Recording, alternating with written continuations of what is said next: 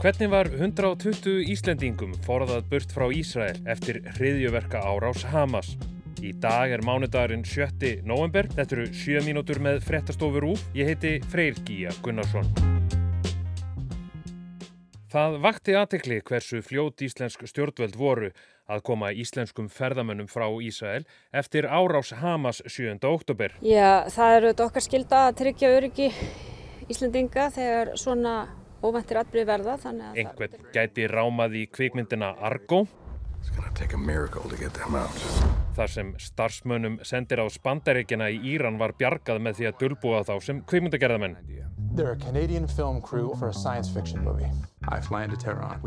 Þessi björgunaraðgerð líkist myndin ekki neitt. Hún fór aðalega fram í símtölum og tölvupóstum. Og þannig hefst einmitt sagan á tölvupósti með frásögn af símtali.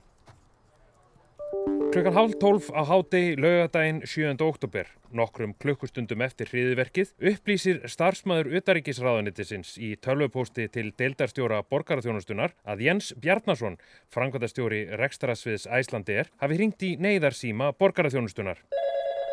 Íslendingar í vanda Erlendis geta hringt í þann síma. Í póstunum segir að Æsland er ætlað funda um stöðum ála síðar um kvöldið og skeftir samtali við borgaraþjónustuna til að fá hennar álit og ráðleikingar. Mörg flugfélög en ekki öll hafi aflýst ferðum til og frá Tel Aviv og Æsland er síðan melda hvað það ætlaði að gera. Skrifstofustjóri Utaríkisráðanettisins fær afrita póstunum og svarar úr Blackberry símanum sínum. Nóterað. Dæin eftir Sunnudaginn 8. oktober klukkan halv átta sendir starfsmöður Æslandir post til fyrirtækisins Medeir í Phoenix. Medeir sérhæfi sig í neyðaraðstóð fyrir flugfélög. Óskar eftir áhættumati varðandi mannúðar og björgunaflug til Tel Aviv næstu klukkustundir og daga. Tilgangurinn sé að sækja íslenska ríkisborgara. Sá sem svarar tölvupóstunum gengt um tíma herþjónustu í bandaríkjaher. Hann segir að Ben Gurion flugvöldurinn í Tel Aviv sé opinn, staðan geti breyst með litlum fyrirvara og vegna flugsketa árasa sé mælt með að öllum ferðum verði aflýst til 9. oktober. Í sama streng tekur ráðgjafa fyrirtækið International SOS í tölvupósti til Utaríkisráðunittisins um svipað leiti.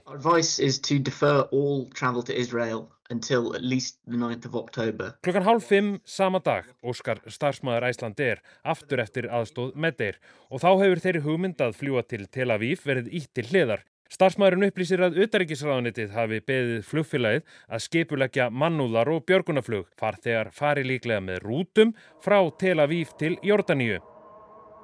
Starfsmæður Æslandir byður um ráð varðandi bestu ökuleiðina. Og nú taka öll hjólað snúast. Starfsmæður Loftleiða, sem er dótturfélag Æslandir, sendir tölvupóst til flugmiðlunar fyrirtækisins UAS í Dubai klukkan 6 um kvöldið og spyr hvaða leiði þurfi til að senda flugvél til Jórdaníu.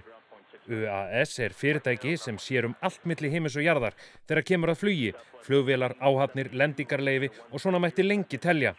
Fyrirtæki fer strax í að útvega yfirflugsheimildir yfir Tyrkland, Kýpur og Egiptaland og vinna í lendingarleifi í Jórdaníu. Starfsmæður loftleiða spyr hvort íslensk stjórnvöld geti gert eitthvað til að liðka fyrir lendingarleifinu. Starfsmanni UAS finnst það góð hugmynd og rúmri klukkustund síðar sendir skriftofustjóri í Ötaríkis ráðanettinu svo kallað librunnabref undirritað af Martini Ejálfsinni ráðanettistjóra. Í ljósi þess hversu staðan er alvarleg og aðkallandi er þau Ötaríkis ráðanetti þakklátt ef flugmála yfirvöld í Jórdaníu geta gert allt til að greiða götur þess að lendingarleifið verði samþygt eins fljótt og auðið er. Klokkan hálf tólfum kvöldið upplýsir Uttaríkisraðanetið hvaða tveir starfsmenn fari fyrir hönd ráðanetisins með fluginu til Jórdaníu. Báðir vinna á varnamála skrifstóðu ráðanetisins. Annar var í fríðagesslunni, hinn hefur kæft í crossfit og hjártmanninum. Ráðunettistjórin útbýr bref sem starfsmenninir hafa með sér. Utanríkisráðunetti Íslands er því mjög þakklátt fyrir alla mögulega og viðegandi aðstóð frá ísraelskum og jórdunskum yfirvöldum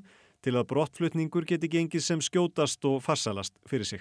Um nóttina sendir starfsmæður Meddeir svo post til starfsmanna Æslandir með ráleikingum hvaða rútulegði séu bestar frá Tel Aviv til Jórdaníu.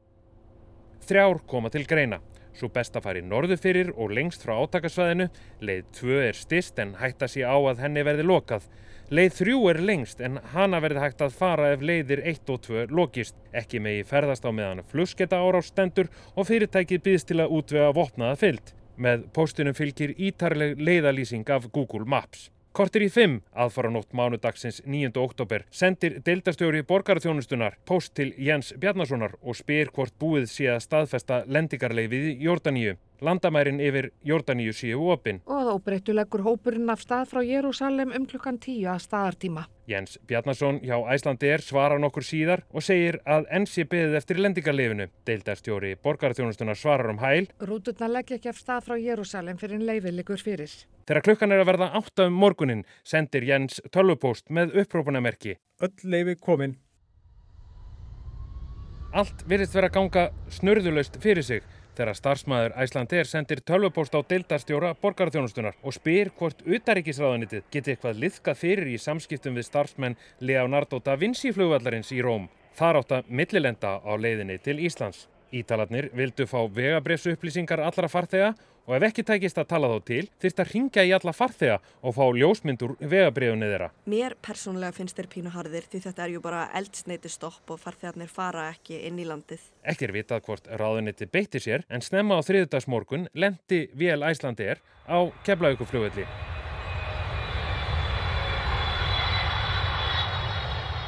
Fimm tímum síðar undirrita Rautarækisráðanitið samning við Æslandir. Uppæðin er í íslenskum krónum og hún er millifærið yfir á reikning Æslandir sem félag er með hjá HSBC bankanum í New York og nefnur tæplega 22,4 miljónum króna.